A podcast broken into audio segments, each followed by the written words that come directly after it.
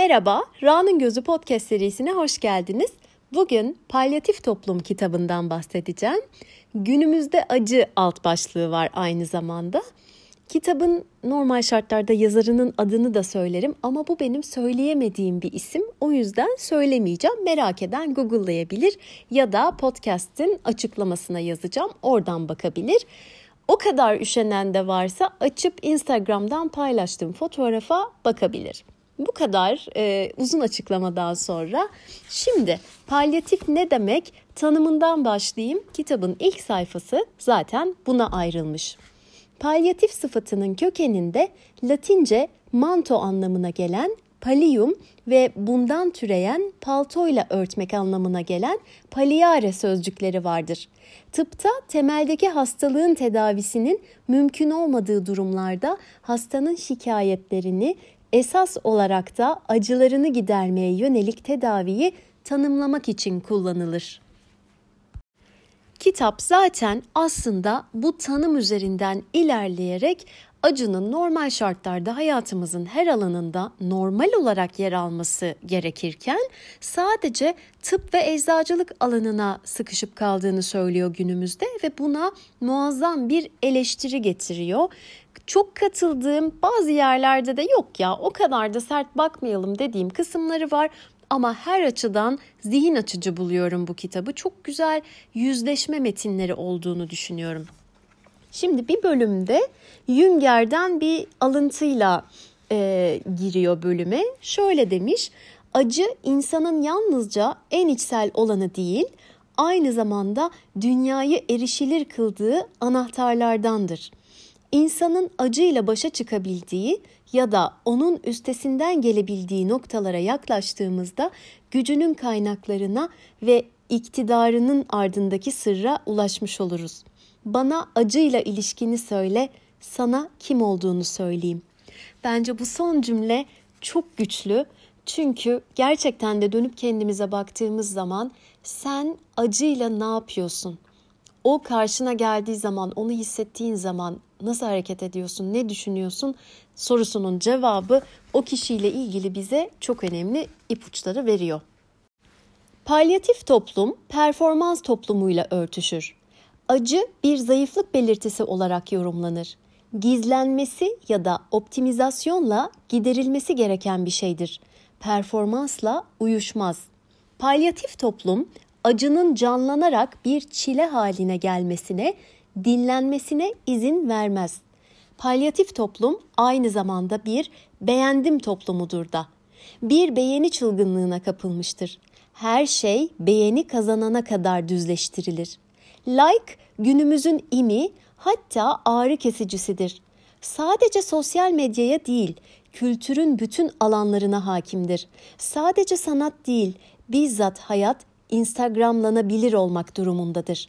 Yani acı verebilecek keskin kenarlar, uçlar, çatışmalar, çelişkiler giderilmiş olmalıdır. Acının arındırıcı olduğu unutulur. Acı katartik bir etki gösterir. Beğeni kültürü katarsis imkanından yoksundur.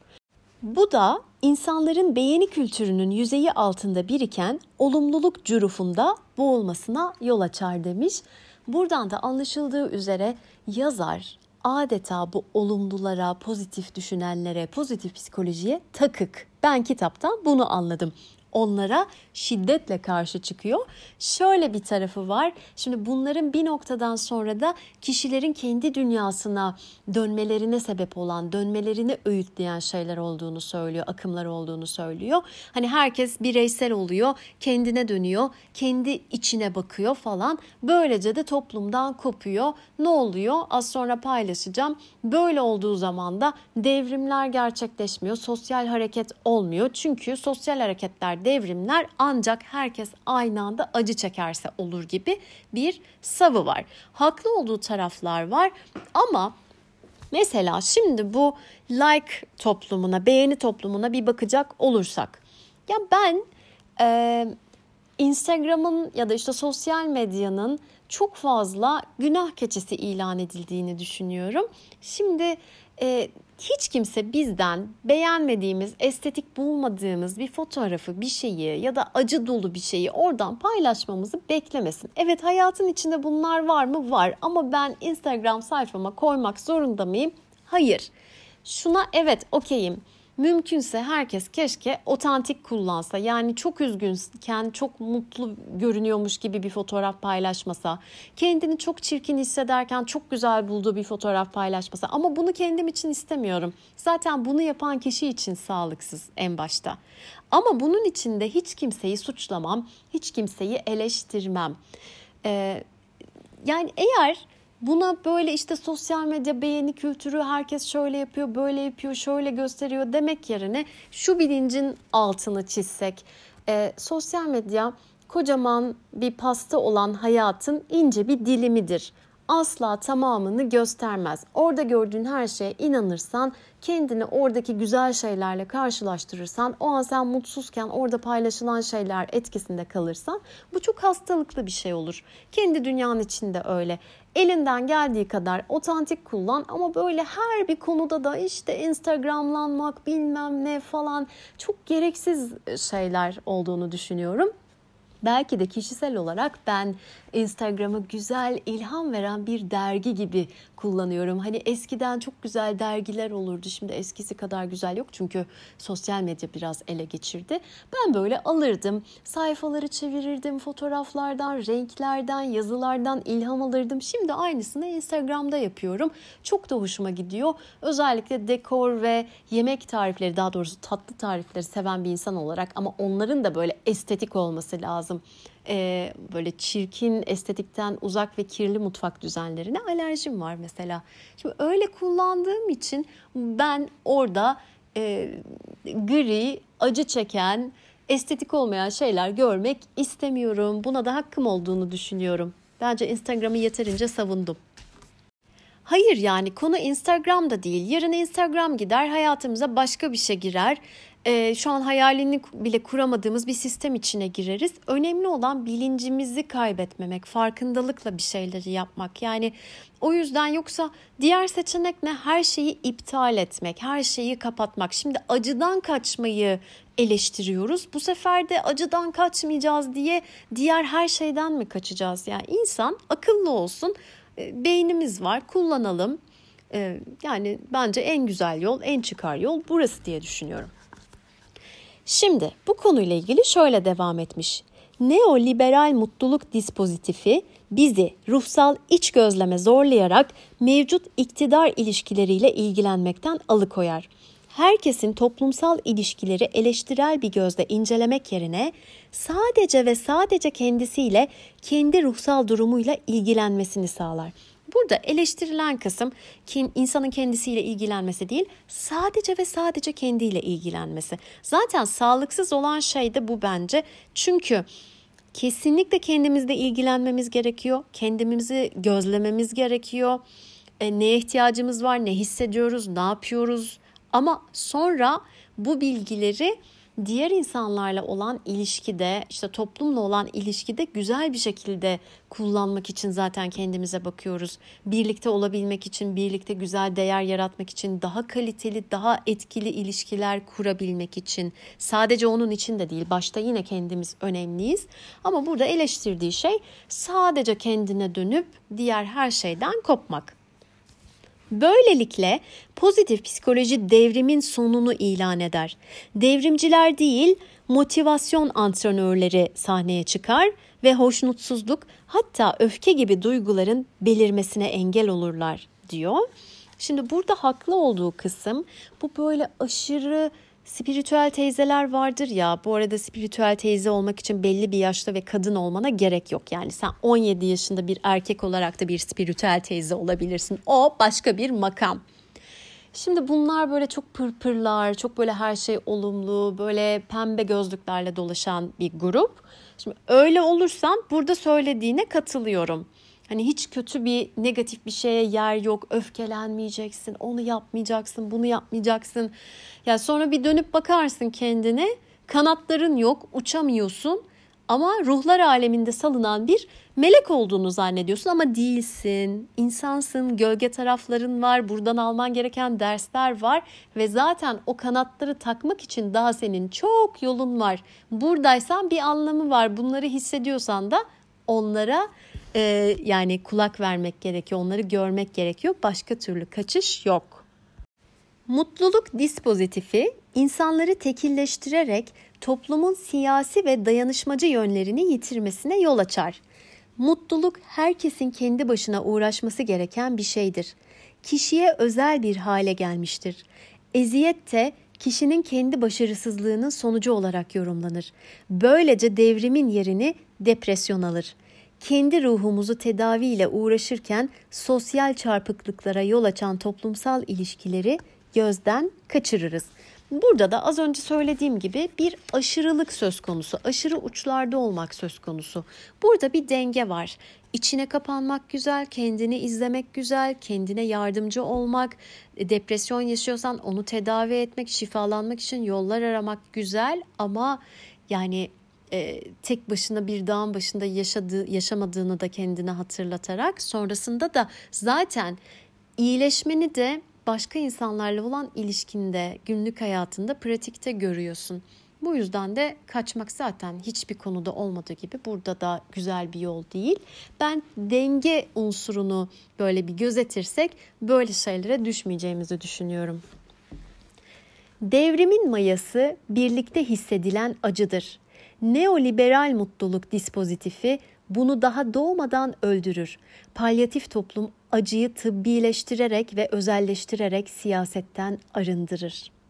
Bir topluluğun oluşmasına yol açan biz yorgunluğundan farklıdır devrime karşı en iyi tedbirdir ben yorgunluğu. Yani diyor ki kendinle o kadar uğraşıyorsun ki artık kendinle uğraşmaktan yorgun düşüyorsun. O yüzden biz yorgunluğu yerini ben yorgunluğu alıyor ve zaten bu şekilde ne bir devrime ne de siyasi herhangi başka bir eyleme insanın enerjisi de hali de kalmıyor. Evet yine uçlardan bahsediyoruz ve böyle uçuca birleştirdiğimiz zaman e, genel olarak böyle bir tablo çıkıyor. Hani böyle e, politikadan, siyasetten uzak insanlar, ilgilenmeyenler, sadece kendiyle ilgilenenler. Ama olabilir. Belki bu da bir geçiş sürecidir. Hani sarkaçta bir öbür uçtan diğer uca gider. Ondan sonra ortaya yaklaşır ve dengeyi bulup durur ya. Ben onun gibi olduğunu düşünüyorum. Çünkü e, özellikle benim jenerasyonum e, çok kötü hikayelerle büyüdü. Aman siyasete kimse bulaşmasın. İşte bilmem ne amcanız böyle olmuştu da şöyleydi de okullarda şu olmuştu da ODTÜ'de böyleydi de falan diye. O yüzden e, yani benim jenerasyonumdan gelenler belki bizden sonra gelenler de bundan birazcık uzak kaldılar, korktular, korundular. Ama belki de sonraki jenerasyonlarda sarkaç birazcık daha dengeye yaklaşıyordur diğer uçtan gelerek diye düşünüyorum. Neoliberal mutluluk dispozitifi mutluluğu şeyleştirir. Mutluluk daha yüksek performans vaat eden olumlu duyguların toplamından daha fazla bir şeydir. Optimize etme mantığına uymaz. Hazırda olmamasıdır en önemli niteliği. Bir olumsuzluk barındırır içinde. Gerçek mutluluk ancak kırılmış olarak mümkündür. Mutluluğu şeyleşmekten kurtaran bizzat acıdır.'' Ona süreklilik kazandırır. Acıdır mutluluğu taşıyan.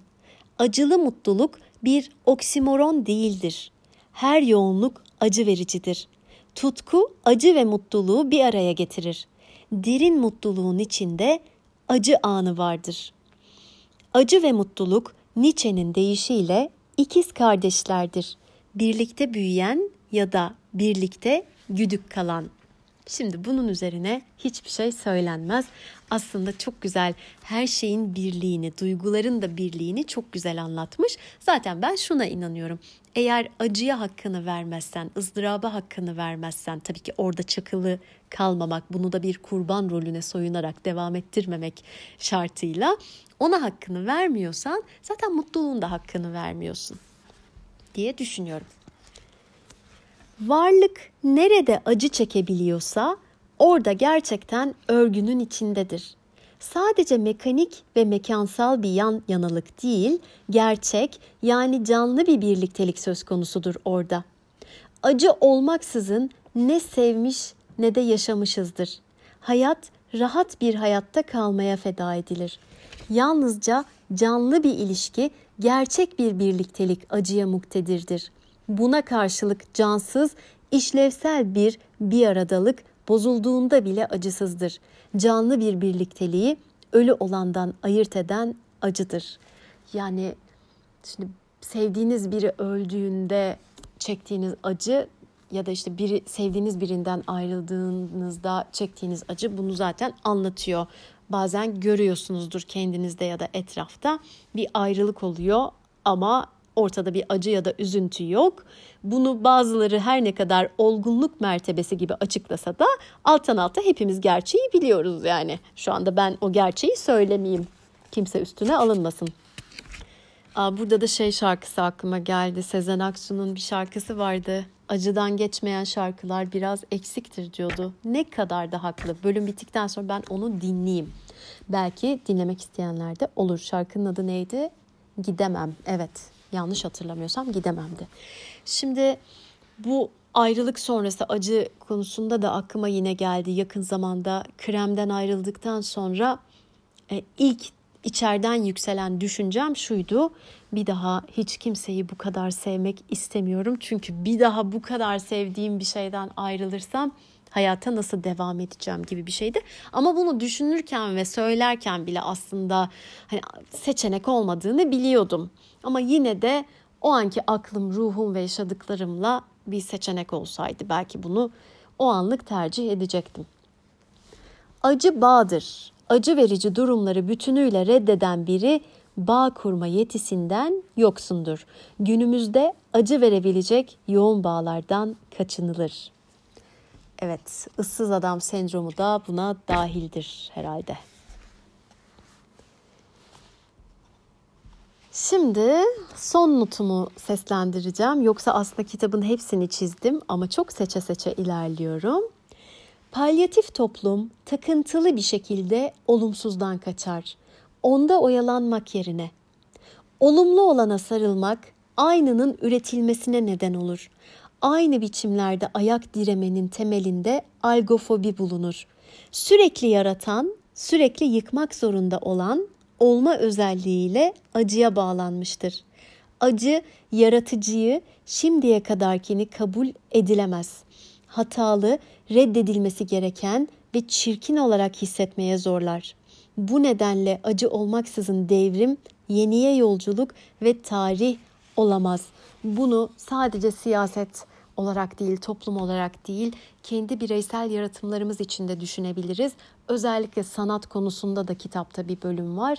Eğer acı çekmeye, acını yaşamaya, acının içine bakmaya cesaret edemezsen, ona hakkını vermezsen kendini tekrar edip duran çok böyle e, piyasada sadece popüler şeyler, o dönem için para eden şeyler ve daha ticari şeyler üretiyorsun kendi döngünde.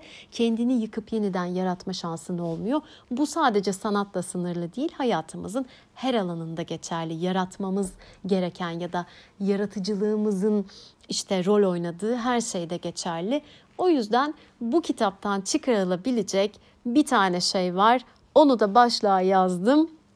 Acılara yürüyor, korkmuyorum, tek çıkar yol diyorum ve bu bölümü burada bitiriyorum. Sonraki bölümlerde görüşmek üzere. Hoşçakalın.